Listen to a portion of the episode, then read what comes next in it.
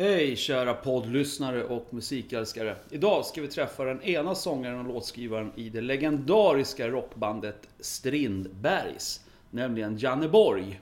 Några av de kändaste låtarna som Strindberg spelade in, ja de lät så här.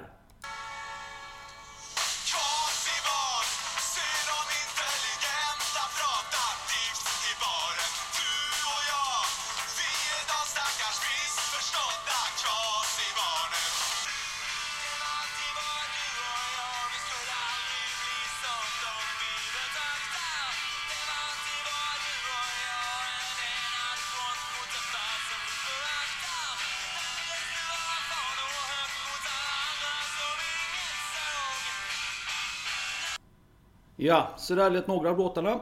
Fantastiskt. Eh, idag så befinner sig podcasten hemma hos mig själv på Kungsholmen. Och nu ska vi träffa Janne Borg från Strindbergs. Hej Janne Borg från Strindbergs och Moderns. Hej Thomas. Hur är läget idag? Jättebra. Eh, Exakt jag idag har jag gått upp i nio, käkat frukost i lugn och ro som jag alltid gör. Eh, Tittat lite på morgon-tv. Lyssnat på Joni Mitchell Blue. Perfekt morgonskiva. Switchade därifrån till eh, Springsteens Magic som jag tycker är en jättebra skiva. Eh, gjorde faktiskt lite yoga och lite sånt och, och där och duschade och så. Ja, Och sen har jag promenerat hit, inte, inte hela vägen men nästan. eh, jag har ju sett att du är ganska... Du sköter om din hälsa. Man ser ibland på Runkeeper Ja, på Facebook att du springer mycket. Det, kan, det stämmer. Har du alltid sprungit mycket? Nej, alltså det, jag började med det väl typ 30 ungefär. Då insåg jag efter, efter 80-talet. Där Då var det dags. Så, så var det liksom, insåg jag att jag vägde för lite och började få ont i ryggen och sådana grejer. Så då började jag träna. Men gym, det har jag gjort sporadiskt och det gör jag fortfarande till och från. Ja. Men eh, jag sköter det, men det, mycket av det där kan man göra hemma. Men däremot springa har blivit som ett gift. Inte liksom maraton, för det, det fixar jag inte. Men springa några mil i veckan. Mm. Underbart. var därför jag opererade Ja. foten. Ja, för det att komma är- igång. Ja. Det är magiskt. Jag rekommenderar till alla som behöver rensa både skallen och kroppen. Jag har faktiskt aldrig musik på när jag joggar. Jag, jag vet inte. Jag, jag, det är förmodligen för att jag lyssnar aktivt på musik. Så jag Okej. strölyssnar aldrig på musik. Alltså, undantag när jag jobbar så kan jag ha musik på för att slippa höra de andra. Jag förstår. Men när jag springer eller cyklar eller någonting sånt så vill jag hellre höra naturen och det som händer runt omkring. Det kan en liten, liten kort sorgesnutt här i podden, kära poddlyssnare. Eh, Hellacopters trummis Robban spelar med Strindbergs sedan 2009. Det stämmer. Hellacopters gitarrist gick bort för vecka sedan. Precis. Robert Strängen Dahlqvist från Hellacopters. 40 år gammal. Tragiskt. Ja, Tyvärr inte helt oväntat. Eh, eller, han mådde inget vidare hörde jag. nej. Jag känner inte Strängen. Känner inte Strängen. Jag har bara fått alltså, höra talas om honom. Från Robban såklart. Ja, Eh, inte en massa detaljer om vad han hade, men jag har ju förstått att han hade problem med, med alkohol till exempel och depressioner. ja, Och, eh, ja, jag hörde det. så att, Hur har eran trummis Robban tagit det? jag, har inte, jag har inte pratat med Robban sen det där hände. Jag har mejlat med honom lite grann. Förstår. Mest för att framföra min, mitt beklagande inför att för jag förstår hur det känns för, för de som kände Strängen väl. Ja, Och Robban är en så fantastiskt god vän och trevlig person så jag bara anta att då är Strängen det också för att de var goda vänner. ja, Och Så jag har inte liksom, sen har inte jag lagt mig i det där för jag tycker att det, det är så många som känner, känner Strängen uppenbart och som kommenterar det. Så jag ville bara säga till Robban att jag, jag kände och that's it. ja, jag förstår. Jag, jag sprang på honom ett par gånger på 90-talet. Där. Jättetrevlig då. Ute Mm. på krogen och sådär. Eh, vi säger Rest in Peace till Strängen. Absolut. Tyvärr väldigt många som har gått bort den senaste tiden. Men det här var ju på den yngre skalan.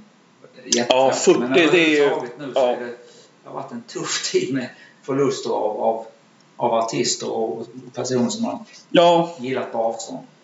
Eh, det här med koppling i den här podden, den här blir ju... Eh, vi ska försöka hålla det effektivt. Ja. Eh, minns du, Janne, när, hur och var du och jag träffades första gången? Nej, jag minns inte hur och var, men jag gissar att du var i kretsen kring Strindbergs på något sätt. Ja, det stämmer. Eh, om jag, du får en ledtråd. Ni skulle spela på Åland, bastun. Ah! Den där. När he- hela... Jag tror då åkte vi till bastun och det var ett helt gäng som var med. Spion bokat- 13. Ja. Så då, då var du med? Ja, och det var det som var det roliga i det hela. Jag var 17. Niklas Lömark, min kompis, också sångare, eh, var 17 år. Och han hade på något sätt fått kontakt med dig och Johan på någon spelning. Och uttryckt att vi vill åka med till Åland och se er där. Och då hade, om det var du eller Johan vet jag inte faktiskt. Men då hade någon av er två sagt Åk med oss så kommer ni ombord. För är man omyndig får man inte åka själv. Typiskt oss. Ja, så jäkla schysst! God clash-anda. Ta hand om fansen. Ja, helt rätt! Ja, men det är säkert så här. Jag, jag minns ju inte det, men det, det, jag, jag känner igen det. Ja, så träffades vi. Mm. Jag och vi åkte över med er där och och det... Det var minnesvärd den, den lilla turnén, eller vad man ska kalla det. Ja, det Jag var... vet inte om du minns vad som hände på Åland? Hände... Ja, Alltså, spelningen såg jag Vi ju. bodde ju på det hotellet, och nu har jag glömt vad det heter, och hade liksom bokat i princip en hel våning på det hotellet. Och där var ju alla människor. Ja. Och det var ju skojigt hela natten såklart. Inte, inte någon negativ förstörarstämning, utan bara alla festade och hade skoj. Ja. Så vi fick ju höra sen att ni får all, ni är inte välkomna hit mer. det hörde jag ingenting om. Vi åkte ju hem med er också. Ja, Jag hörde vi ingenting. Så blev vi, vi hörde att vi var portade från hotellet. Ja. Jag minns att Spion 13 hade en jävligt cool gitarrist som påminner om Johnny Thunders. Roger tror jag han hette. Roger Eriksson, ja. Ja, han... Han var väldigt mystisk. Han är gudfar till min dotter. Okej. Eh, efter den här Ålandstrippen så spelade ju Strindberg mycket i Stockholm. Mm. Och jag och Niklas, eller jag och andra, jag, jag blev ju någon slags sån här backstage kompis, bekant. Mm. Eh, ni var alltid väldigt generösa du och Johan. Mm. Med att kom in backstage på Tre Backar, det var liksom ingen big deal. Nej. Och så satt vi där och hängde med er. Och så började det. Ja, men det stämmer. Vi gillar ju hela den där... Alltså, så länge det var kontrollerbart och folk betedde sig som folk så var det väldigt trevligt. Och det, det, jag vet inte om vi, vi har väl det i oss. Och dessutom så visste vi att det är så Clash gjorde. Det var det som var liksom punkens hela grej. Att, Ja, att bryta barriärerna mellan, mellan band och publik så gott det går. ja. Och det funkar. Det, det är väl det som gjorde att vi blev så omtyckta av, av, av folket, om man kan säga så. Ja, ja men det, absolut. Jag, jag tyckte det var så jävla... Med Ebba Grön var det helt omöjligt. Där var det ingen som kunde komma in någonstans. För vi hängde ju på Ebba Grön också på Ja. den. Men ni var ju så jävla schyssta. Ja, vi var nog mer tillgängliga än dem. Jag tror att de var lite mer... De hade mer De var svårare. vi kände, vi kände ju dem. Vi vi spelade med dem ibland och sådär. Och de var lite mer konstnärliga. Jag, så jag kan tänka mig att de var på en annan nivå än oss. Vi var nog mer, mer av gatan på något sätt. Ja, Kanske. Nej, det kan jag hålla med om. Eh, ja, kopplingar. Vi har ju några bekanta gemensamma. Peder Mm. Brink Absolut. har vi spelat med. Eh, Johan Johansson är lite bekant med, Mm. kan man säga. Jag är mycket bekant med Ja, det förstår jag. Peter Wahlberg känner du också. Ja, då, ja. ja, han är en trevlig kille. Mycket. Eh, sen så spelar vi bas båda två. Det vet folk i den här podden nu att jag spelar bas. Ja. Och det gör ju du med gärna. Jajamän. Och sen så gillar vi Bruce Foxton. Det gör vi. Eh, och eh, Ja. du och jag träffades för 34 år sedan på den här Ålandsbåten. S- eh, sen så sen tänkte jag börja kronologiskt eh, med Moderns Mm. nere i Malmö. Mm. Eh, ni fanns ju 79 till 81 där, men en fråga jag har till dig.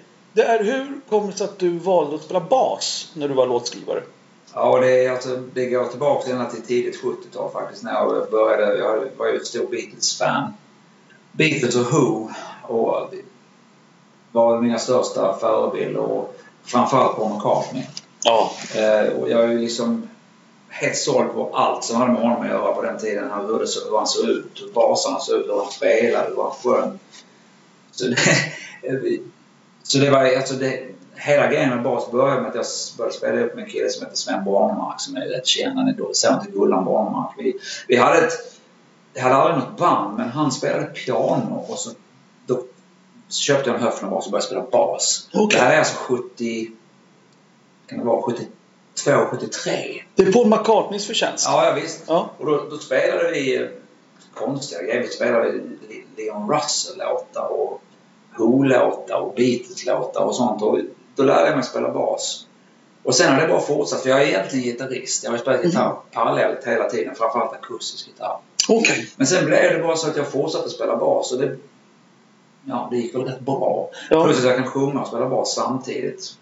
Jag skulle just komma till det Janne. Eh, Jag, jag har ju mest bara körat Mm. när jag har kört själv med bas. Men att sjunga en melodi och samtidigt hålla ett basbit. Mm. Det är ganska knepigt. Det är knepigt och ibland, ibland så får man så går det ut över, över svänget. Det är oundvikligt. Alltså, men man, man lär sig. Jag har lyckats... Jag vet inte om det har att göra med att jag är både höger och vänsterhänt. Att det har liksom eh, splittat hjärnan på något sätt. Jaha, jag, okej. jag, som, jag tänker ut basen i någon sorts symmetrisk figur och sen lever den ett eget liv.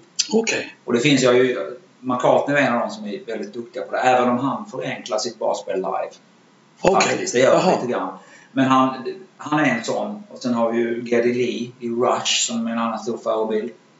Phil Lynott är helt sinnessjuk på att spela en sak och, och, och köra, så sjunger något helt annat. Absolut. Och Sting också. Och Sting och, och Bruce Foxton. Det finns, det finns många. Ja. Eh, så det, jag har väl hamnat... Jag har anammat det och det var väl det som gjorde att det stack ut. Att jag stack ut. Mm. Att jag lyckades med det där. Ja, för det, det är knepigt. Eh, Det är ingen slump att eh, många sångare hänger på sig en gitarr.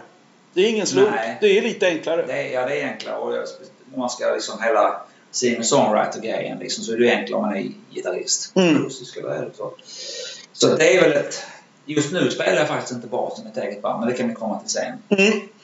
Eh, Jag kom på en grej här. Jag, jag spelade ju bas i ditt band en kort period. Ja, tio Då- minuter. Nej, men en månad i varje fall. Ja. Eh, Då, då spelade du gitarr. ja, just det. Och då tänkte jag så här eh, att jag blev ju jäkligt nervös när du... För vi testar dig ett tag och ser Mm. hur det går. Att du skulle ha massor av synpunkter på mitt basspel. Ja, Men du var jävligt cool. Du, du, du kom ibland så med lite råd mera. Ja. Men du var jäkligt cool den månaden. Utan du sa, ja ah, men kör som du vill tyckte du. Mm. Och så gjorde jag det och det lät väl hyfsat i alla. Och där var även eh, Morbrens trummis Ja, med. just det. var Per Attack. Per Attack kom med där. Som också var med i Strindberg till slutet faktiskt. Ja. Eller sista året. Kommer du ihåg vad ditt band som jag var med i hette? Nej, men jag kommer ihåg att vi hade en låt som hette When the Hard Aches Begin som faktiskt har Den var bra. hängt med fortfarande. Jag har spelat in den fyra gånger med olika, olika konstellationer. Den spelade jag. Den spelade vi då med, med, när du var med. Nej, jag minns inte vad det hette. Vad hette, Shadowland. hette det Shadowland? Rätt fräckt. Ja. Eh, och kommer du ihåg vilka vi delar replokal med? Ja, Mats Åberg och Rankarna. Och Chris 99. Och Dead Scouts. Och Dead Scouts också, ja. Eh, Vill du höra en anekdot om Perssons Park snabbt? Det hinner du. eftersom ja, dra. Det var här var ju innan Perssons Park, när, när Dead Scouts hade upplösts. Som Strindbergs var goda vänner med. Vi kände dem från Bollnäs. Ja, det förstod jag.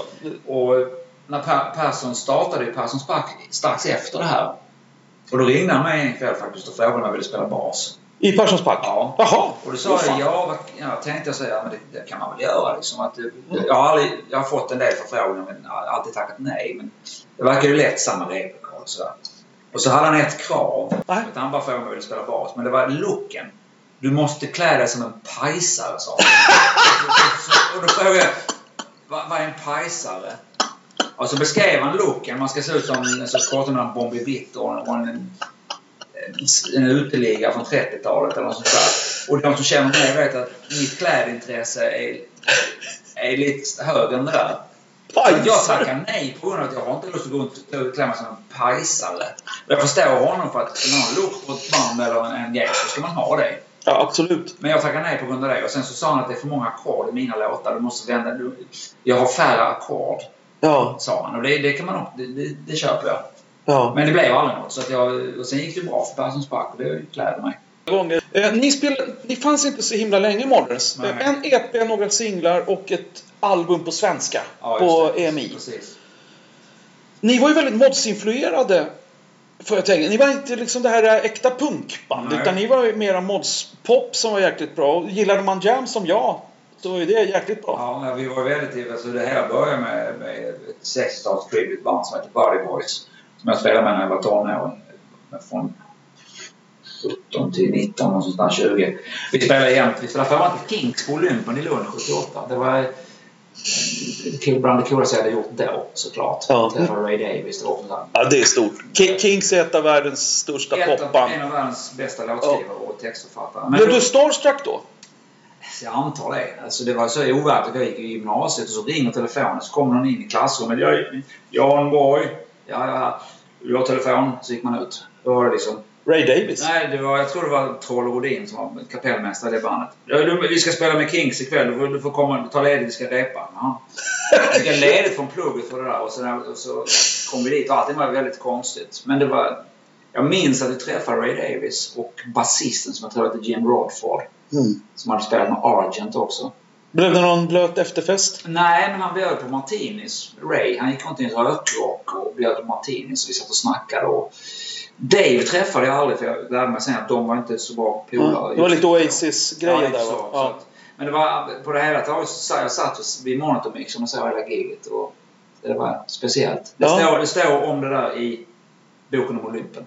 Ja, okej. Men sen blev det sen så ville jag skriva låtar i det här bandet och det fick jag inte. Då, då, parallellt med det så började vi snacka med skolkamrater, Tony Manieri och Per Attack Okej. om att starta Moderns. Eller det som blev Moderns. Och så gjorde vi det och spelade in en EP själv. Och det gick skitbra. Vi, vi hade ju stämsången där, vi trestämmig sång och allt Mm. det där som ingen gjorde på den tiden. Men Ni åkte på en Englandsturné vet jag om. ja, Hur gick det till? ja, det var så här att vi fick ju skivkontrakt i Stockholm med Mandarin Records. Där Alien Beat och Magnus Lindberg och lite andra höll på. Tuna var inblandade. Det Ja. var Tuna. Och eh, så dök det upp en Englandsturné. Som ett band hade hoppat av. Det var Chatterbox. De hade hopp- hoppat av den där för att deras sångerska som var med det var hon som hade ordnat turnén på något sätt. Och hon, de föll ut och sen så fanns det inget band. Och då, Var Peter Wahlberg med då? Nej, han var inte med. Nej, det var Han senare. Okej. Ja. men då frågade, då, då hade Tuna fått frågan. Finns det något annat band som, kan, som sjunger på engelska som kan stiga till England och turnera? Mm.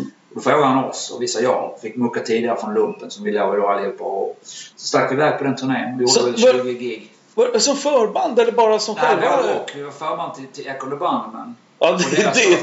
stor- På deras första stora Englandsturné. De hade precis släppt Crocodiles, Ja. plattan. I Liverpool eller? Nej, vi, nej, i Liverpool spelade vi själva på ett ställe som heter Erics. Som Ja. inte finns längre. Det låg mitt emot Ja.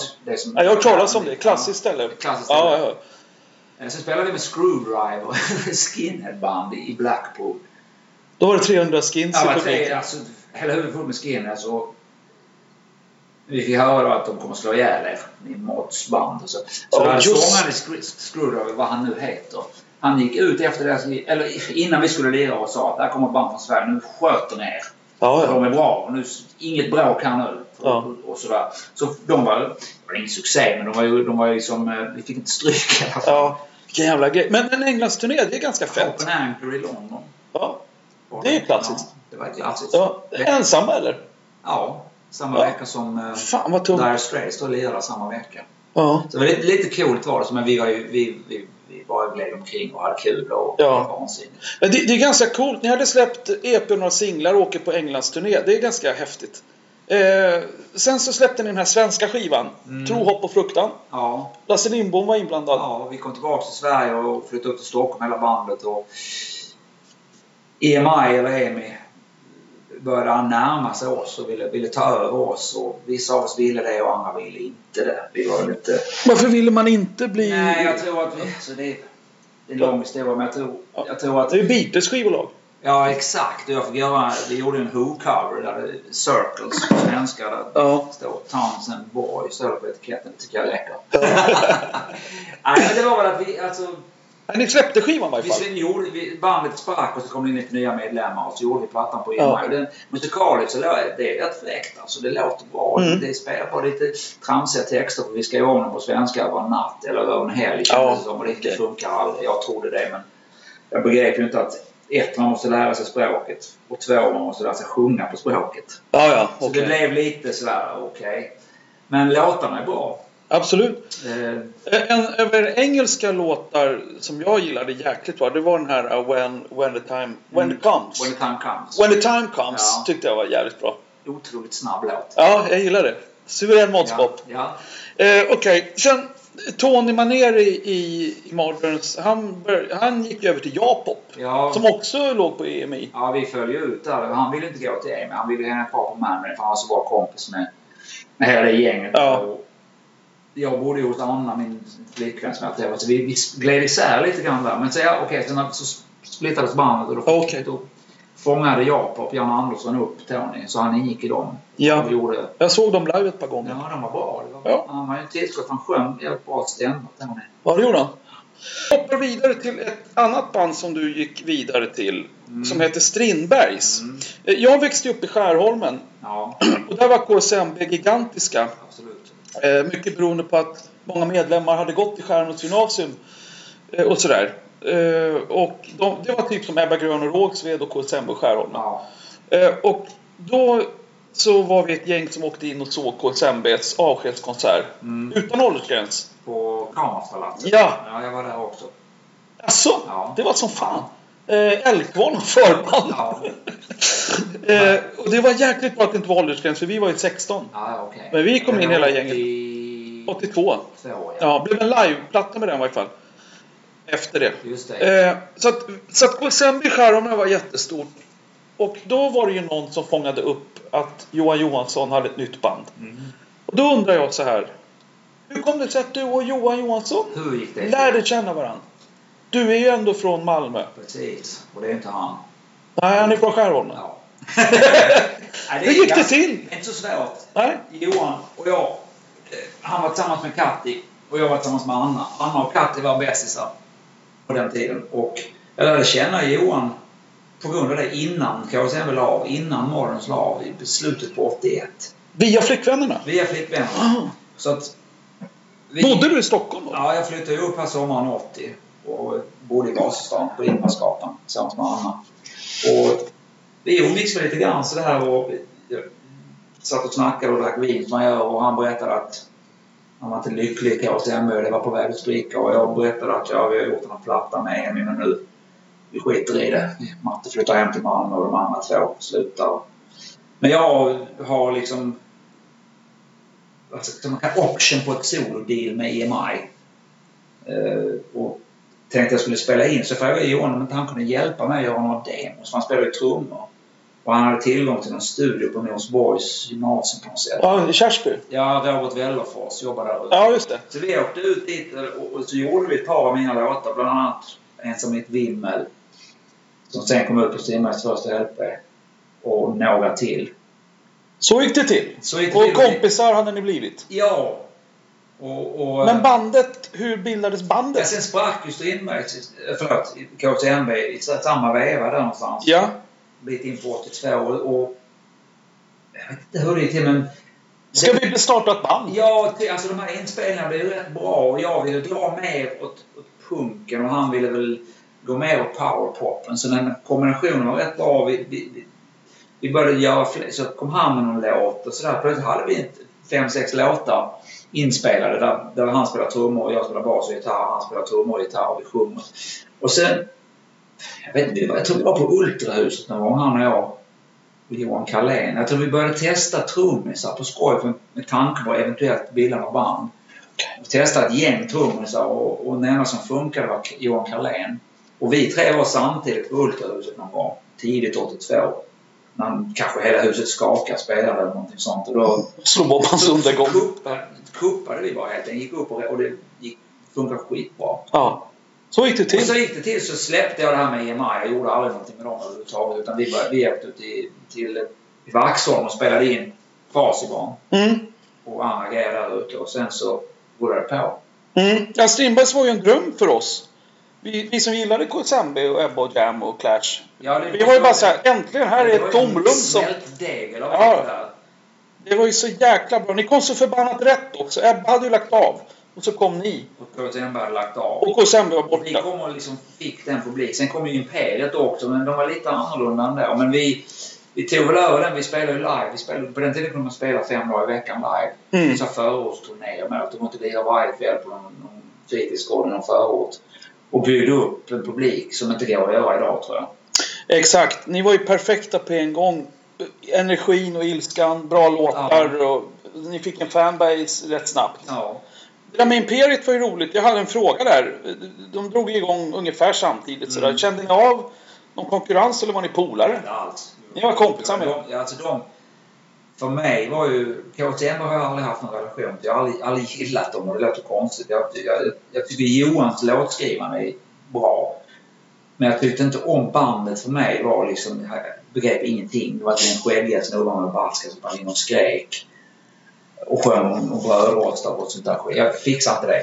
Däremot Ebba Grön, de hade ju stil. Framförallt Thåström som hade rockstjärnelook. Det gillar jag. Gillar ju sånt när det är lite style på det hela. Yes. Eh, så att Men ingen konkurrens där. Nej, inte det minsta. Jag tycker alltså Imperiet, och det har ju varit, man ska mäta det i termer av större än oss. Så de hade ju en annan utgångsläge än vad vi hade direkt. Eftersom Mm. de var ex Ebba Grön. Vi var ju för sig ex KSMB framförallt och, och, och Moderns. Men det var, vi var lite, Jag förstår. lite lägre nivå än dem. Så nej, och, Delar ni några spelningar? Ja, vi gjorde ett par gig tillsammans med Imperiet precis i början. När vi, de hade, vi hade bara släppt en singel och möjligtvis första LPn och samma sak för dem.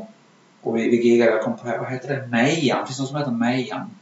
I Göteborg? nej. Nej, Majorna tänker jag på. Jag tänkte på Me- något- Alltså, ja, Mejan ja, konstskolan. Ja, där, ja, där fanns. spelade vi eh, tillsammans med dem. Och vi, har vi gjorde några gig med dem. Så Ja. vi, vi, vi, framförallt då som vi blev väl polare på rikstiden som man hängde liksom. Ja, där hängde ju alla. Sådär. Så att eh, det var ingenting konstigt. Jag kommer ihåg att jag diskuterade med Christian Falk. Vi satt och bråkade om vem som var bäst på bas. Jaha, och vad kom vi fram till? Jag, att jag var bäst och han att han var bäst. ni tyckte Nej, olika. men vi spelar helt olika. Han är Ja. en groove, eh, Ja, groove-basist som är svinbra. Jag spelar ju som McCartney eller, eller, eller han är Who. han är, ja, eller Foxton och alla de här på det sättet. Så Mm. det, det är fundamentalt olika sätt att hantera bas. Mm. Ja. Båda två är bra. Ja. Sen är det beroende på vad man spelar för musik, vilket som passar in. Så. ja. Men det var kul att sitta och argumentera om att jag är bättre än dig. Nej, jag är bäst. Ja. Ni spelade... över hans minne var en Ja. Ja, han var, han var jävligt schysst. Vi, vi såg er på Tre Backar ganska många gånger. Mm, Eh, Jag kommer ihåg att jag köpte en bashögtalare av dig också. Och den hämtade jag på Tre det Backar. är sant. Ja. Det var bara en högtalare, ingen topp. Nähä. Köpte jag för en tusenlapp. Vilken låda var det? JBL eller något sånt där. Okej. Ja. Jag brukar också, som du berättade om din bas, du brukar lämna grejer och försöka sälja det till arrangören. Kommer inte ihåg, när man byter lokal så jag orkar inte ta med den där jävla basen, den får stå kvar. Ja. Det gjorde jag med min Fender-låda. Ja. Jag köpte 76 och den lämnade jag i vår lokal i Oxfordskapet till basisten som spelade med Jack Vreeswijk. Ja, ja. Det ångrar jag som fan idag. ja, men den här fick du bra betalt. Du fick tusen spänn av mig. Det var eh, 12, 12 va? Ja, Det var bra. Den hade jag i många år. ja det var bra. Ja. Så den köpte jag dig. Eh, Imperiet spelade aldrig på Trebacka vad jag vet. Nej, de var nog för stora. Ja, det var väl något. Ni var jävligt bra liveband. Ja, Ett av. Sveriges bästa liveband all time. Folk säger det och det gläder mig för det, jag tycker det betyder mycket. Det är därför vi drar folk än idag eftersom folk kommer ihåg det. Ja, ja visst. Eh, vi hoppar över till era plattor. Mm. Bibel, debutskivan. Eh, till poddlyssnaren som inte har koll på det. Nu är jag inne på vinyltiden här. Det är ett fantastiskt skivomslag. Janne, Johan och Hugo ligger framför August Strindbergs staty i Tegnérlunden. Eller sitter, Ja. ni. Med skånska flaggan. Insvepta i en skånsk flagga. Ja, mycket coolt skivomslag. Kolla in den. Eh, sen, Johan har rosa hår. Eh, en sak som, vi, som man undrade då, det är att du och Hugo verkar sjunga på något eller ropa på något. Ja. Men inte Johan. Nej. Han sitter lugnt och stilla. Ja. Vad, skrek ni något eller sjöng ni något? Fan, det är kul att du frågar den frågan för att jag undrar. Det ser ut som jag skriker. Ja. Jag gäspar. Eller sjunger? Nej, jag gäspar. Jaha. Det är en gäspning. Och det vad gör är Hu- Hugo? Sitter ju och liksom... Ja, han vet inte vad han gör. men, men det här är alltså taget... Jag tror det är taget klockan fem på morgonen. Alltså, ja, det var ju... Då är man gäspig. Och det här är för att det ska vara ett speciellt ljus. Och det ska inte vara någon folk. Var det Micke Borg? Nej, nej, det här var... eh, Kan det ha varit Lars Torndal eller någon av de här Ja. kända fotograferna från den tiden? Ja, så du gäspar och vad Hugo skriker åt, det vet Ja, vi inte. vet jag inte. Nej, okej. Och sen idé, hela idén kommer från The Who. Deras, alltså, den, den bilden som är på Kiss All Right skivomslaget. Ah, Där de ligger framför den här statyn, militärstatyn i, jag tror det är i Hyde Park Corner, insvepta i en engelsk flagga. ja, Och ja, så ja. föreslog jag att kan vi inte göra det med en skånsk flagga för att det skulle ju då... Man gjorde saker för att reta folk, att det ska sticka ut. Ett att bara vara en skånsk sångare och en Stockholmssångare i ett Stockholmsband det är ju så fel det kan bli. Eller coolt. Eller coolt. Ja. Det beror på hur man ser det. Men det är alltså att, att göra det på det sättet sticker ut. Och då, då, fick, då sa jag, kan vi inte svepa in oss i en skånsk flagga? Och tyckte Johan och Hugo var kanon på allt eftersom det var så, Ja. det var så anti allting liksom. Ja. Och det blev ju rätt snyggt. Ja, jag visste. Jag kvar flaggan men hänger på replokal.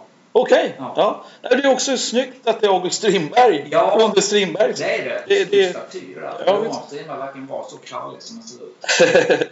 en, en unik sak med Strindberg som, som vi tyckte i varje fall, vi fans. Mm. Ni hade ju jävligt snygga sångarrangemang. Ja.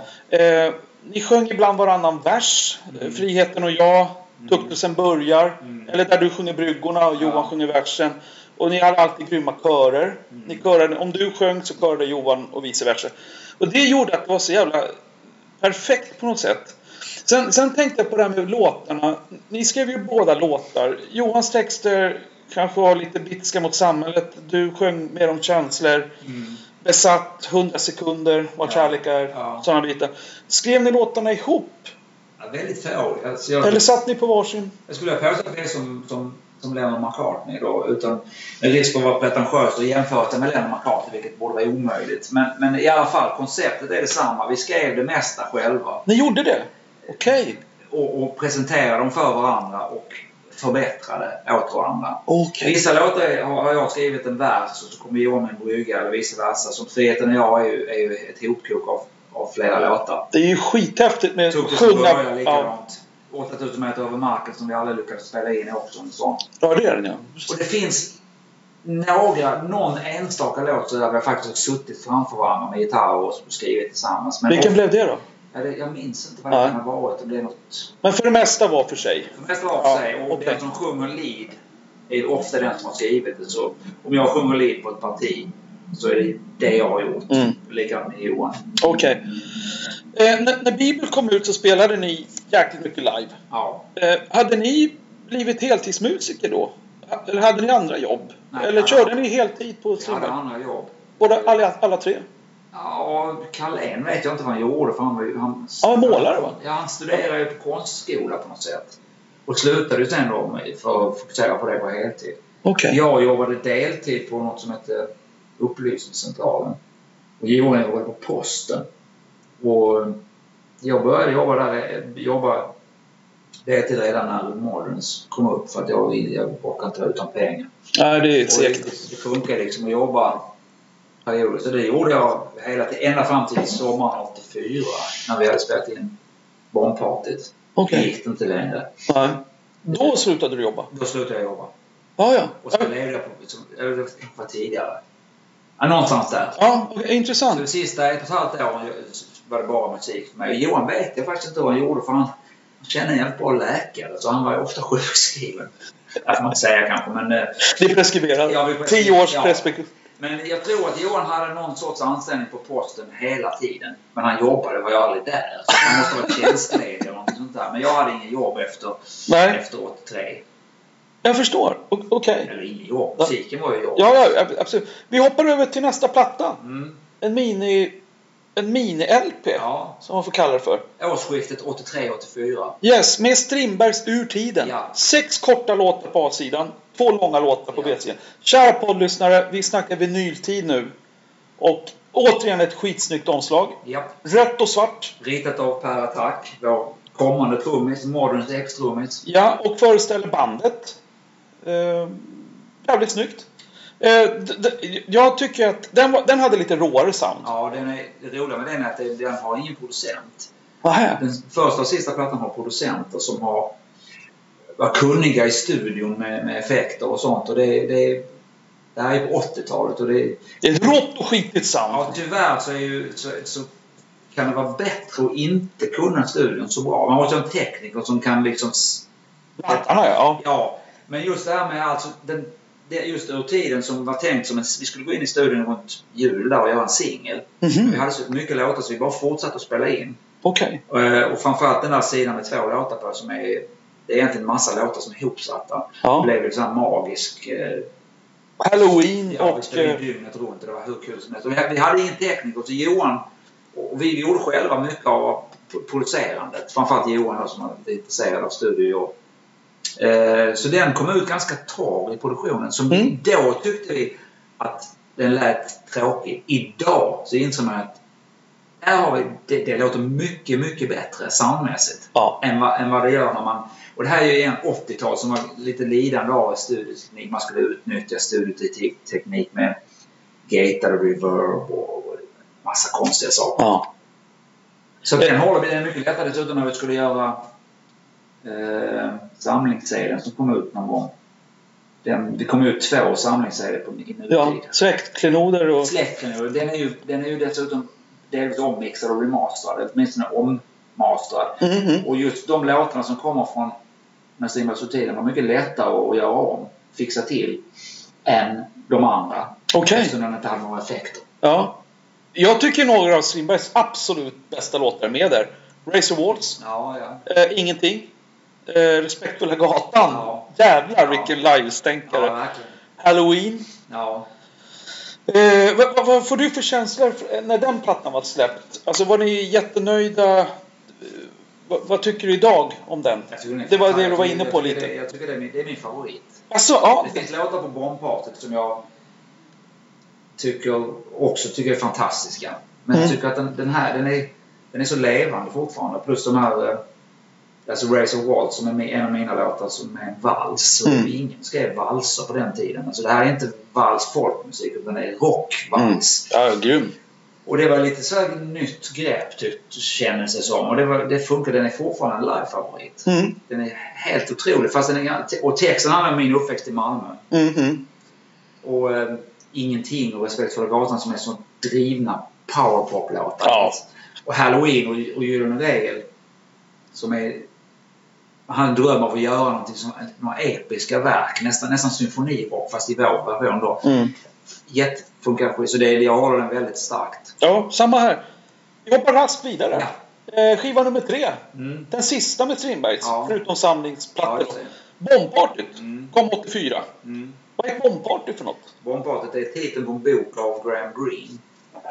Kommer därifrån. Sen tyckte vi att det passade rätt bra på oss. Liksom det här...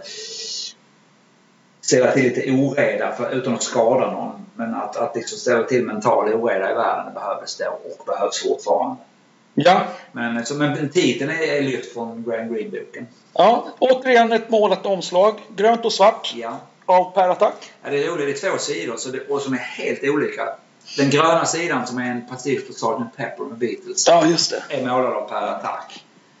Baksidan som är någon sorts färg med, med ryskt typsnitt på, na- på namnet är målad av Johan Carlén. Så att vi lät båda våra trummisar som båda två är konstnärer göra varsin grej.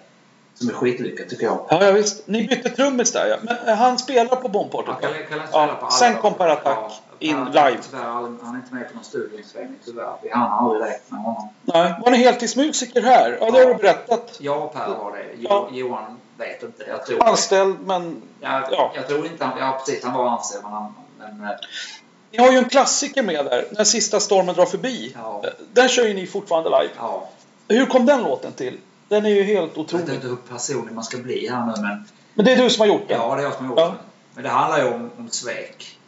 Okej. Eh, kvinna mot man. Ja, ja, jag förstår. Jag Jag var förstår med- grejen. Jag var med om en grej där som, som fick mig att helt plötsligt se med andra ögon på, på förhållanden och livet som jag, inte, som jag hade blundat för innan. Fantastisk låt. Tack! Den tycker jag är nog den bästa låten jag har gjort. Fortfarande. Ja, det är stora ord. Det är stora ord. Alltså jag har gjort mycket ute som ingen har hört som är bra. Men just den texten, är, att jag lyckas fånga den, den känslan av när man blir sviken. Men, men ändå inte ger upp på något sätt. Det är Mm. det det handlar om. Mm. Du blir Ja, bedragen men du, du sväljer det och går vidare ändå för kärleken är ändå starkare. Något, något sånt. Jag ska säga till poddlyssnaren här att eh, när jag träffade dig lite titt som tätt på Ritz för det mesta. Så, så sa jag en gång så här att jäklar vilken bra låt det där är.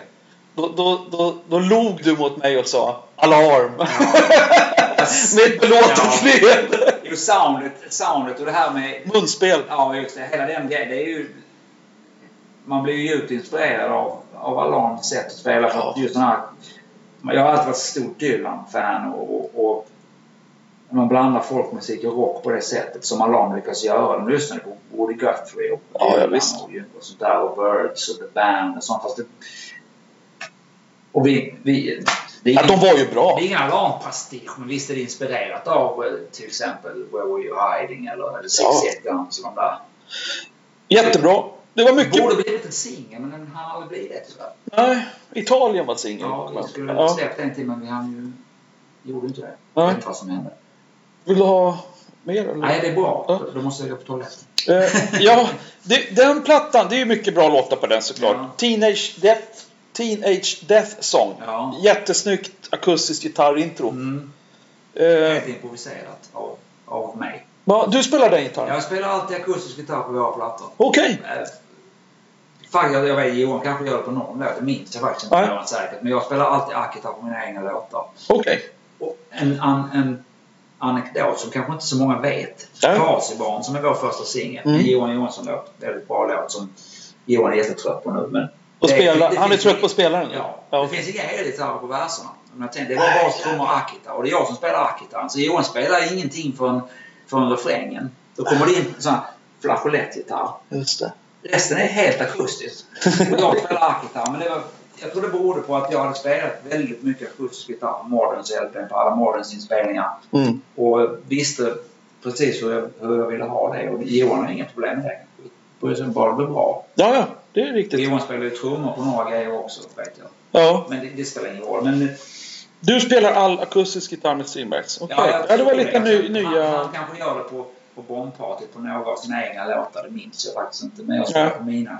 Mycket bra låtar även på den tredje och sista, Armageddon. Mm. Eh, Italien, Friheten och jag. Mm. Eh, och ja, det är mycket bra där. Det är bra titlar nu när du rabblar titlar så känner jag fräcka titlar på alla Ja, låtar. Armageddon är ju coolt. Det är fantastiskt. ja, visst. Nej, Det är jättebra. inspirerad av Ritz och Ritz-tiden och dekadansen att alla skulle liksom se ut som Keith Richards och helst droga också. Ja, Armageddon är här, Armageddon är här. Ja, vilket vi aldrig gjorde. Jag gjorde i alla fall. Droga menar jag. nej, nej, nej, det kunde man hålla sig utanför. Ja, det leder ingenstans.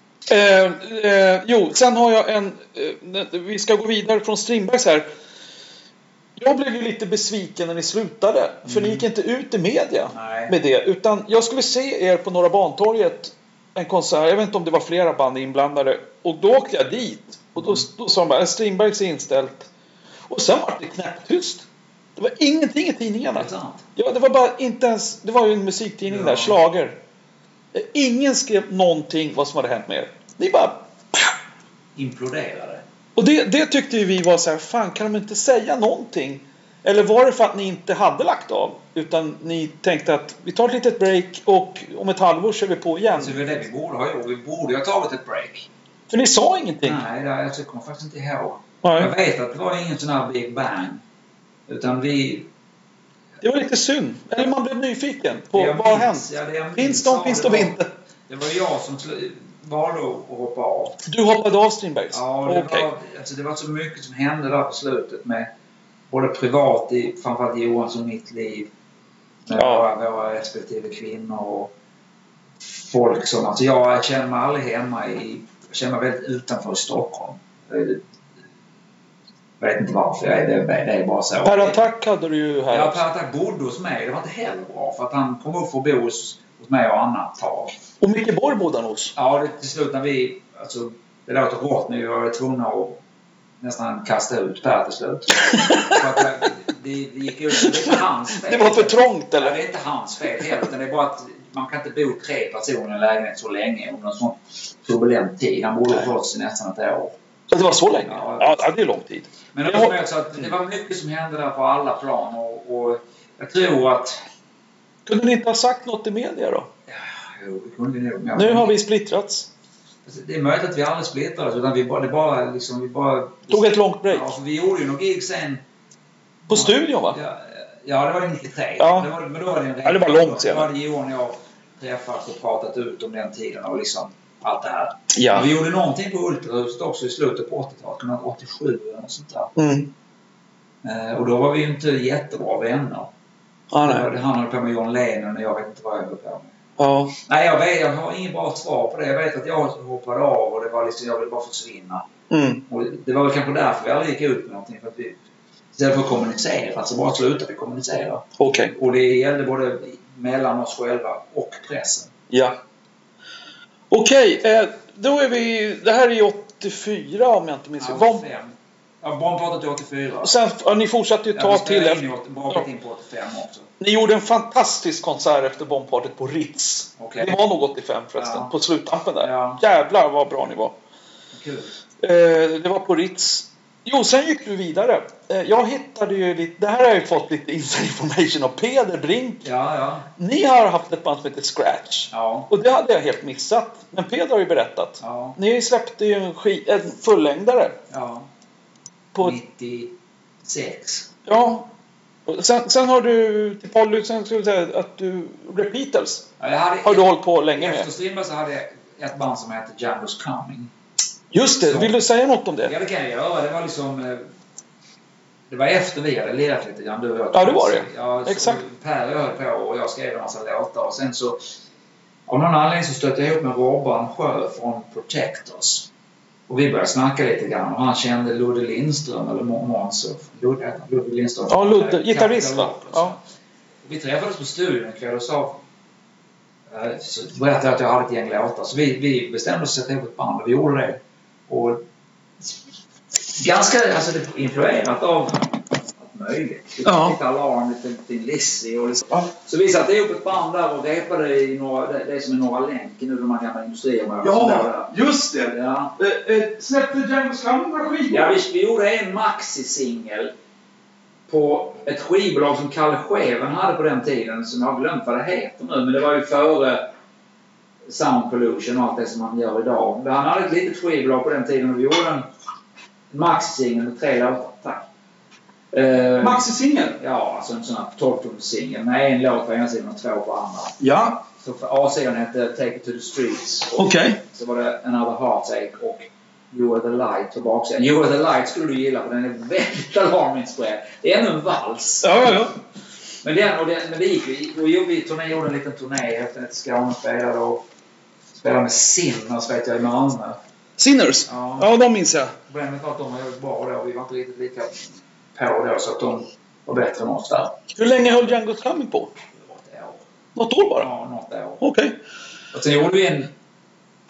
Det sista vi gjorde var en, eh, en inspelning med Janne Andersson som producent faktiskt. En Jaha. låt som heter I hear you. Som, där Janne spelar... Det är väldigt syntigt, tror det eller ej. Det är bas och trummor i botten. Okej. Och sen är det lite syntmattor och också. Så, ska, så är Robban med och lägger leadgitarr. Okej. Men då hade han redan bestämt sig för att lägga av och återgå till det som en gång var Protectors. Så gjorde de platta med band som hette Bombi Bip, tror jag. Ja. Var Per Attack med i Django's Coming? Ja, tack vare mig, Janne Skam. Okej.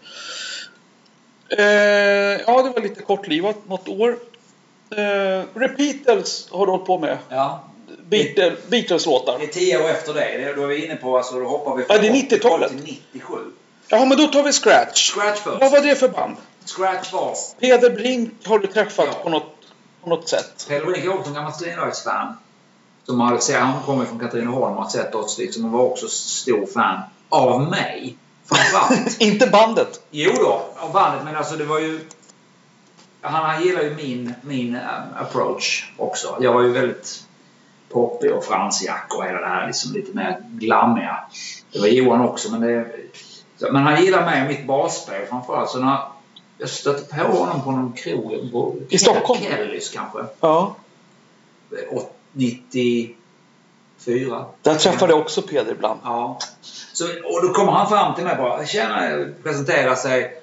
Eh, jag håller på att göra en platta. Jag vill att du spelar bas. Här är en kassett. Fum. så fick jag en kassett med fyra låtar. Ja, okej då. Ja, jag är ju rätt trevligt. Så jag sa till honom att visst, vi ska lyssna på den. Och tänkte det, ja, det blir väl så det blir. Så kom jag hem och så lyssnade jag på det och är skitbra. Det är fyra låtar svinbra. Riktigt bra liksom eh, hård inte punk, det var, det var mer liksom pop åt hårdrockhållet. Var Pirates med då? Nej. Nej. Det var Lizard in a Bottle, eh, Rebel Without a Clue och lite andra sådana som kom på Scratch första platta sen. Okej. Så, jag, så vi började repa då. Jag tyckte fan det här var ju kul. Så vi träffades. Eh, jag vet inte hur det gick med medlemmar men han hade en keyboardsnubbe som hette, som hette John. Och så fick vi med Lutten Larsson från Stockholms Neger på Mm. trummor. Ja, han kommer jag ihåg. Mm. Och vi började repa inför, inför den första plattan och repade in. Och så skrev han bara, men kan inte du skriva några låtar? Så jag hade ett par låtar jag skrev. Sjöng ni båda i scratch? Ja, han sjöng mest. Okej. Jag sjöng mina grejer. Ja. Så körade vi. Ja. Så gjorde vi en platta i, i, med, i Martin Wilson Pipers studio. ja på ett, det var ett skivbolag som släppte den. Ja, just det. Tribal Records. Tribal Records, ja. Ja. Hur, varför... Alltså jag har lyssnat på det nu sen jag lärde känna Mm. Peder bättre. För det roliga är att Peders band Ja. provspelade jag för några år innan ja, dig. det sa han. Tribe. Tribe Exakt. i Katrineholm. Ja, Han, han var ju schysst. Han hämtade mig vid Skanstull. Sen körde vi hela vägen. Han pröjsade tågbiljetten hem för mig. Ja. Kanonkille. Ja, ja Peder är en kanonkille. Absolut. Men, nej, men jag, jag funkade väl inte sådär. Så att han var kul. Sen kom han till dig på Kellys där några år Ja. senare. Så vi släppte första plattan som heter From Scratch to You 96, 97. Ja. Eh, och sen spelade höll vi på att gigga lite grann, men det var ju... Varför slog inte Scratch? Jag, jag har lyssnat på det. Det är ju asbra. Powerpop eller vad man ska säga. Ja, jag vet inte. Det finns ett par låtar där speciellt. Peder är lite hårdrock, eller var lite hårdare. Han gillar Van Halen och sånt. Det, det finns inte så mycket spår av det, men det finns spår ändå lite grann. Mm. Mina grejer är, är, som jag skrev just då, är väldigt poppiga. Det är en Mm. låt som heter Real Life, en låt som heter Train of Thought. Så skrev vi några låtar ihop och de är väldigt så, traditionellt. Ja. Eh, Men det borde ha blivit större det kan man säga. blivit någonting, men Vad gjorde skivbolaget då? Med Scratch platta? jag vet inte. Det är Peders skivbolag, så. Jaha! Oj fan, det visste jag inte.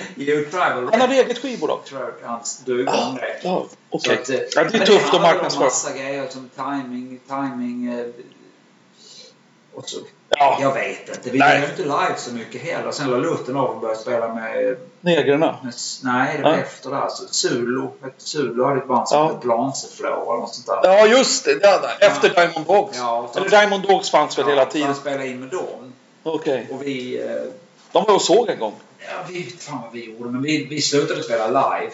Och i samma veva började jag spela med Repeats. Ja. Men är du, startade du Repeaters? Ja, det, ja, så jag blev tillfrågad av, en- av en polare som, jag, som är polare nu.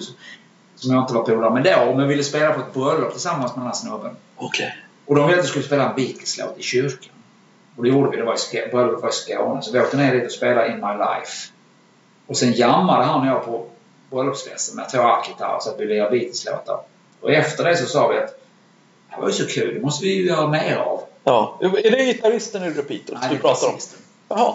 Ja. Och då föddes hela idén till att liksom börja spela lite Beatles-låtar som växte till ett, till ett 60s tribute-band. Okej. Och vi spelade alltså från 97 till 2003 så spelade vi på hur mycket bröllop och fester som helst.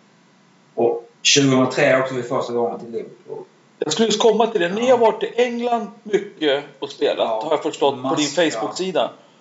Ni har varit mycket i Ja, England. vi har varit, jag tror att vi har varit, från 2003 till 2010 var vi där minst en gång om året och Mm. Plus Argentina, Mexiko, inte Mexiko, Argentina, Kanada, USA, Belgien, Finland. Vi har varit runt. Det är jävligt coolt. Alltså, jag kan tänka mig att det finns jävligt många Beatles-coverband. Ja, det finns väldigt många. Ja, och hur, hur, liksom, hur, hur, kommer man, hur spelar man i Argentina med Alltså, Repeaters? Det ju... Det var efter, efter första året i Liverpool så träffade vi, var, vi hade ju inte, vi har aldrig varit ett look-alike-band. Det ska man po- poängtera. Vi har inte klätt Mm. ut oss till Beatles. Nej. Vi har klätt ut oss, eller vi har klätt oss i 60-talskläder och, och gjort en grej av det. Och så har vi haft någon sorts clash approach till, till vi spelar Mm. en jävla energi när vi lirar. Och det har vunnit folks hjärtan överallt. Och ehm, vi har fått kontakter med folk. Så det har varit liksom Okej. någon, någon från Cavern i Buenos Aires har sett oss och bjudit in oss dit. Och sen har vi hamnat på eh, Abbey Road on the River-festivalen i, i USA där jag har spelat solo nu också i många år. Okej. Eh, intressant. Ja, jag tänkte höra med dig. Du har ju bott i London. Det var jobbrelaterat vad jag förstår. Ja, just det. Jag jobbade, jag jobbade, efter Strindberg så fick jag jobb i databranschen. Det som idag heter IT-branschen. Eh, Jag har hållit på med det sedan 86 i princip. Okej, programmering. Nej, allt utom. Ja. Jag har jobbat med som operatör, jag har jobbat med, med systemteknik och konsulttjänster och marketing och pre-sales och just nu är jag testare. Mm. Det är något så här jättestort företag? Nej, jag jobbade på massa olika bankgirot. Började på, sen jag gick därifrån till något som heter Tandem Computers. Okej. Som köptes upp av Compaq som mergade med HP. Så jag var på Compaq och HP i många, många år. Okej. Och nu jobbar jag på ett litet företag som gör tradingsystem till, till börser. Vad häftigt att bo i London ett och ett Ja, halvt det år. är fräckt alltså. Det, Kände du dig ensam där? Nej, det gjorde jag inte. Jag, alltså jag, bodde inte där, jag bodde där i tre omgångar ett halvår i stöten. Jaha, okej. Ja, det är överkomligt. Och eh, nej, det gjorde jag absolut inte. Jag hade mycket vänner i London. Och, i- första tiden så pendlade jag faktiskt hem veckovis. Ja, ja, ja. Ryanair. Nej, jag skojar. British Airways Ja, precis. mest. Och eh, de två sista gångerna så hade jag eget hus. Okej. Ja. Eh, nej, det var inte alls ensamt. Det var helt fantastiskt bra. Ja. Men alltså finans, finansvärlden i London är... Om jag säger att den är hektisk så underdriver jag. Ja. Det är, Ja, det är stressigt i London, Jobbar, ja. jobbar ihjäl sig lätt. Ja. Jag har märkt det. Jag var så sent som 2015 i London. Jag tänkte fan vad stressade de är. Och det är ju pengarna. Mycket. Pengarna och karriären och det är det som, som finansvärlden är. Ja. Jag såg en musikal 2015. Beatles-musikal. Ja, ja. Då var det ett band som körde Beatles-låtar precis. Som musikal. Ja. Jag kände mig lite förrådd när jag gick in där. De Jaha. körde en show. Ja, vad heter de? Kommer du ihåg det? Nej, de hette inget speciellt. Det var en Beatles-musikal Ja, ja. bara. Eh, Och, och, men de körde... Beatlemania kanske? Det är möjligt. Eh, Eller- De, de körde helt outfit. Ja. Alla såg ut exakt som ja, det medlemmar. finns massa sådana band. Och så hade de två sådana band då. För de kunde inte spela sju dagar i veckan. Nej. Då hade de ju gått under. För den höll ju på ett år. Ja. Kan vi titta? Ett annat band Ja. som jag måste få med här. Du får ju berätta hur mycket du vill om det. Mm. Det var ju det här uh, Desperate... Romantics. Romantics. Ja. Vad var det för något? Det var när Jag vi... var och såg er ett par gånger. Ja, just det. Det var när vi hade, vi hade spelat med Repeaters i nästan 10 år. Jag har ju skrivit låtar hela tiden och vi har spelat in mina låtar med Repeaters, några stycken här och där, i- gett ut på plattor på 11. Mm. Då tänkte jag att eftersom vi är så bra som, som Repeaters, det borde vara en smal sak att spela in e- egna låtar och, och göra en parallell karriär. Med Romantics. Ja, och så, Ja. det här var när jag bodde i London så tänkte jag, fick jag hitta på det här namnet. Desperate Romantics. Och, Ja, bra namn. och vi, tack! Jag funderar på att använda det igen, men det är en annan historia. Ja. Men så gjorde vi, gjorde vi en EP, Ja. tre låtar. Och lirade i Stockholm några gånger. Ja, men det fun- funkar inte riktigt med att bara ta det här 60-tals coverbandet Repeaters och förvandla det till ett eget band. Det gick liksom inte. Det, Varför inte? Därför att det funkar inte på det sättet bara. Jag vet inte vad det är. Alltså, man ska vända en, liksom en oljetanker på en femöring. ja, det var bra. Det funkar inte. Nej. Folks mindset är inte på samma ställe som det ska vara. Och Det, det är en sak att lära sig spela andra människors låtar från- från en template till att helt plötsligt skapa någonting som en av killarna har skrivit. Det, det, är, det är inte så lätt som det låter. Så det bandet föll sö- sönder. Men sen så plockade vi in lite andra medlemmar. Vi hade en annan basist ett tag. Gurra som spelat med Neil Leon. Peder Brink dök upp som gitarrist ett tag. Jaha. Så, att vi, det, och, så det fanns ju lite olika upplag och det skulle kunna bli bra men det gick inte att hålla ihop. Nej. Du vet hur det är. Ja. Sen träffade jag Peder och han har ju spelat med dig i, i ditt soloprojekt Ja, också. Janneborg Identity. Ja, Janneborg Band, Janneborg Identity, Ja. whatever you wanna call it. Och det, och det ligger också och puttrar hela tiden. Det finns fortfarande, jag håller på. Ja. Och jag har gjort några gig med nytt, nya, med, ny, nya medlemmar nu i eget namn. Okej. Och det är ju liksom en fortsättning på Desperate Romantics. Men är Peder med fortfarande på gitarr? Nej, Peder är inte med. Nähä. Det visste jag inte. Nej, han... eh, han jag vet inte vad som hände, men det, han... Vi är ju jätte... Per och jag är vänner. Vi Han jobbar ju mycket också ja, med visst, och firma. Han bor, i en annan, han bor inte i Stockholm. Och vi ville byta replokal så ville inte han flytta med. Och, så det är som det är. Men vi är goda vänner och spelar ihop i andra sammanhang. Eh, vi hoppar, nu har vi pratat om, du har gjort massor av grejer Ja. efter 85. Ja. Eh, 2009 poppade plötsligt Strindbergs upp Ja. på Kulturhuset. ja. Och jävlar vad det kom folk! Det började faktiskt med Peace and Love-festivalen i Borlänge. Ja, ja jag samma, såg det. Samma år. Ja, och, och jag bodde i Borlänge då. Och åkte till... Gjorde du? Ja, ett år bara. Var du på Peace and Love då, när vi där? Nej, Nej. det var ju på sommaren va? Ja, precis. Alltså jag jobbade i så här skolterminer. Mm. Nej men då, då så sa några kompisar, för helvete Kulturhusets tak. Mm. Så vi var ju, Nicke Löfmark var ju där. Mm. Ja, vi, vi, vi bara Nej, var så jävla... Sen gick det... Det var ju en reunion-grej Ja. kan man säga. Och sen så året därpå spelade ni igen. Ja. Kulturhusets dag, Strindbergs Mhm. succé. Då hade ni med er ett annat band, kommer jag ihåg, som jag inte kommer ihåg vad de heter nu. Men hade, ett, ett förband tror jag det var. Karta 77 vid ett tillfälle. Jo, just det. De hade ni Och så med. hade vi The Facer. kommer ihåg. Så hette de ja! De var också med i ett. Vi har gjort tre år där uppe. Ja, och sen gick det 2011 eller 12 så var ni där igen. Ja. Och det var så jävla roligt att träffa alla. Ta bara Danne, som du spelar med i House of Dolls. Dan eh, Sjödin ja. Han träffade, jag har inte Ja. träffat honom på 25 år. Han och jag satt och drack bira. Liten kille. Liten. Kille. Ja, visst. Och jag menar House of Dolls, vi delade ju replokal med er. Anders. Gustafsson på sång. Också en trevlig kille. Ja. Som är The Curse idag. Jajamän.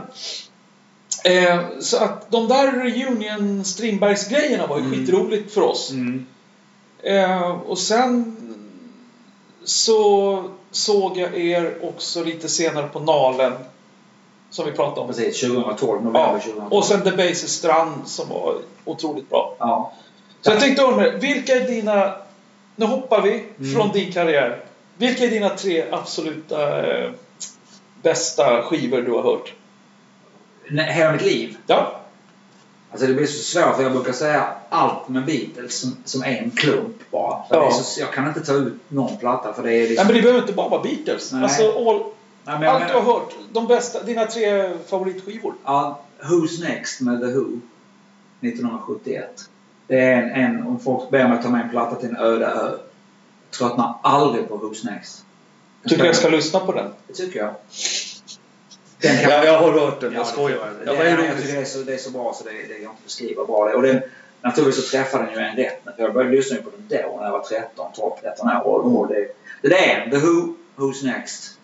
Och sen får jag ta en Beatles-platta då. Då får det bli uh, Rubber Soul, Den är fin. skulle jag gissa. Jävlar vilka Ja. låtar. Och den tredje? Uh, oh, det, är- alltså, det är helt omöjligt. Men plattor som har betytt mycket är ju London Calling Clash. Det är um, Den är liksom tidlös tycker jag. Fighting med Thin Lizzy som är ett favoritband. Kanske den oväntat sådär, men jag gillar ju allt som är bra. Mm. Lizzy var ju fantastiska. det är ju underbara. London Calling på trea. Delad tredje plats med Lizzy. Ja, så vi säger det. Ja. Och dina tre absolut bästa konserter du har sett? Bästa konserter jag har sett i hela mitt liv. Oh, det, är- alltså, det är fruktansvärt svårt. Alice Cooper 1972, Olympen, november. Uh, Olympen. Hans klassiska 70-tals line-up. ja, precis. Uh, Lucinda Williams på O2. Lilla O2, det heter Indigo. I London. 2008. Hon är en grym sångerska. Alltså. hon hade med... Hon skriver allt själv va? Ja. ja så Hon jävla hade bra. med Dog, Dog, vad heter han? Dog Pettibone, en av mina favoritgitarrister. Hon stod längst fram och hon spelade i två och en halv timme. Jag förtrollad. Ja. Fan, fan. det måste vara en av bland det bästa jag sett.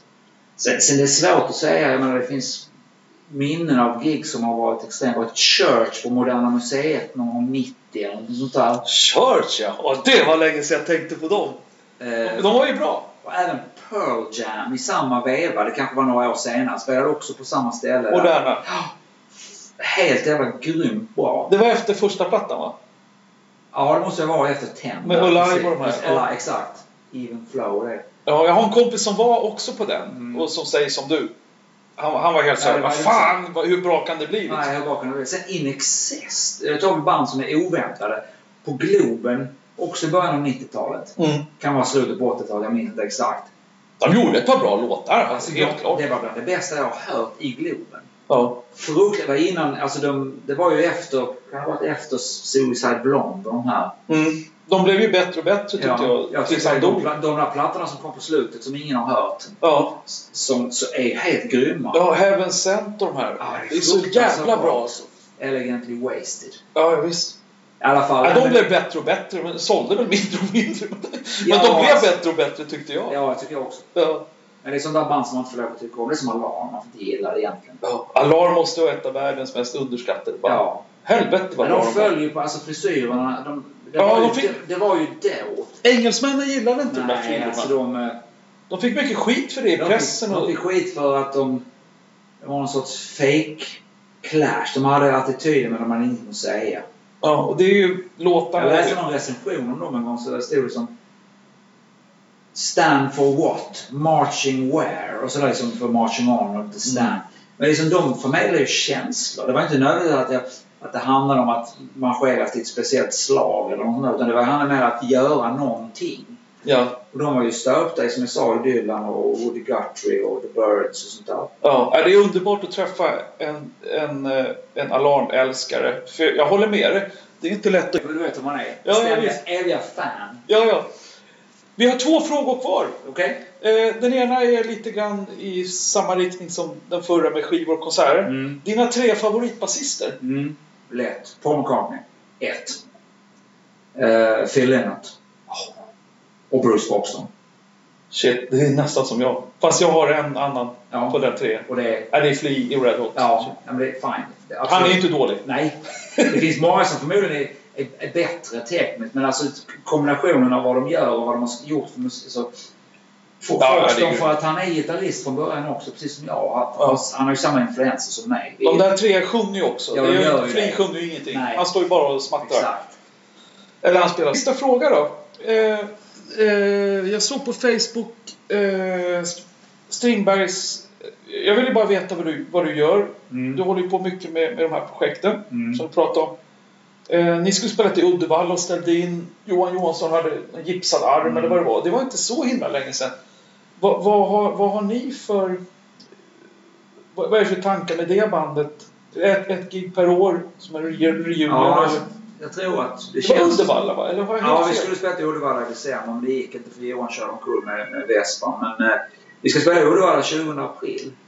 Så ni kör lite spridda Vi skurar? alltså det kommer nog att bli lite mer för nu har vi, vi har faktiskt eh, vi har en som bokar oss. Vi håller på att försöka sätta ihop någonting lite mer. Eh, Jag tror många Strindbergs-fans är nyfikna. jag tror att det är dags att göra lite mer på riktigt nu. Vi har också pratat om att spela in någonting nytt. För både Johan och jag skriver jag, vi har snackat om att försöka göra någonting. Det skulle vara så himla skoj att gå in i studion, självklart med Johan idag och se vad vi kan åstadkomma. För vi är ju tekniskt duktiga på att spela idag då, även om vi var rätt okej på den tiden. Ja, det var. Och så spela in med Robban framförallt för att det är så himla kul att spela bas med, med Robert Eriksson. Hans trumspel. Det funkar så jäkla bra. Så det skulle vara roligt att göra någonting. Hur, hur kommer det sig att de tankarna har kommit nu? Jag vet inte. Det är väl Tidens tempo? 93 när vi gjorde de här spelningarna på studion. Då var jag och Lutten som var med då på trummor. Ja, just Då var vi, jag var helt på att dra igång det igen på riktigt. 93? Ja, ja för fan. Alltså, jag, visste, jag sa till Johan. Det hade man ingen aning om. Och det Johan var helt emot det. Han ville absolut inte. Han ville vara solo. Han ville göra sitt. Och vi, så, så, men tidsmässigt och mentalt så var vi inte alls där. Och det, sen gick det några år och sen började jag känna att jag ska hålla på med det här för. Ja. Det finns liksom ingen anledning. Så efter 2009 och alla de här giggen vi gjorde. Blev det nytändning på något vis 2009? Ja, det blev ju det. Men då hade jag absolut ingen tanke på att vi skulle göra någonting mer än enstaka gig. Ja, då har du ju fullt upp ändå. Ja, jag bodde i London och vet, allt sånt. Och jag håller på med egna grejer. Så. Men vi har inte snackat. Jag tror aldrig vi kommer dra igång det på riktigt och börja repa en gång i veckan. Det kommer aldrig hända. Men vi kommer nog att spela mer. Jag tror också kanske nu KSMB och de har liksom blivit... De har blivit det är någon schism där som jag inte kan riktigt. Nej. Att det är kul för Johan. För Johan har alltid gillat att spela med mig. Och vi har alltid haft... Han, han känner varmt för Strindbergs. Och det gör jag också. Så att jag tror att vi kommer nog att göra mer. Ja. Det tror jag. Men det vet man Okej, ju aldrig som sagt. kul! Sen håller jag på att spela in eget material nu. Jag ska göra en soloplatta i planen. En soloplatta ska Ja. du släppa. Ja, det måste jag göra. Tack För Thomas. att eh, du har gjort en lång och utförlig intervju. Och vi säger väl på återseende. The pleasure is all mine. Ja. Ja, absolut.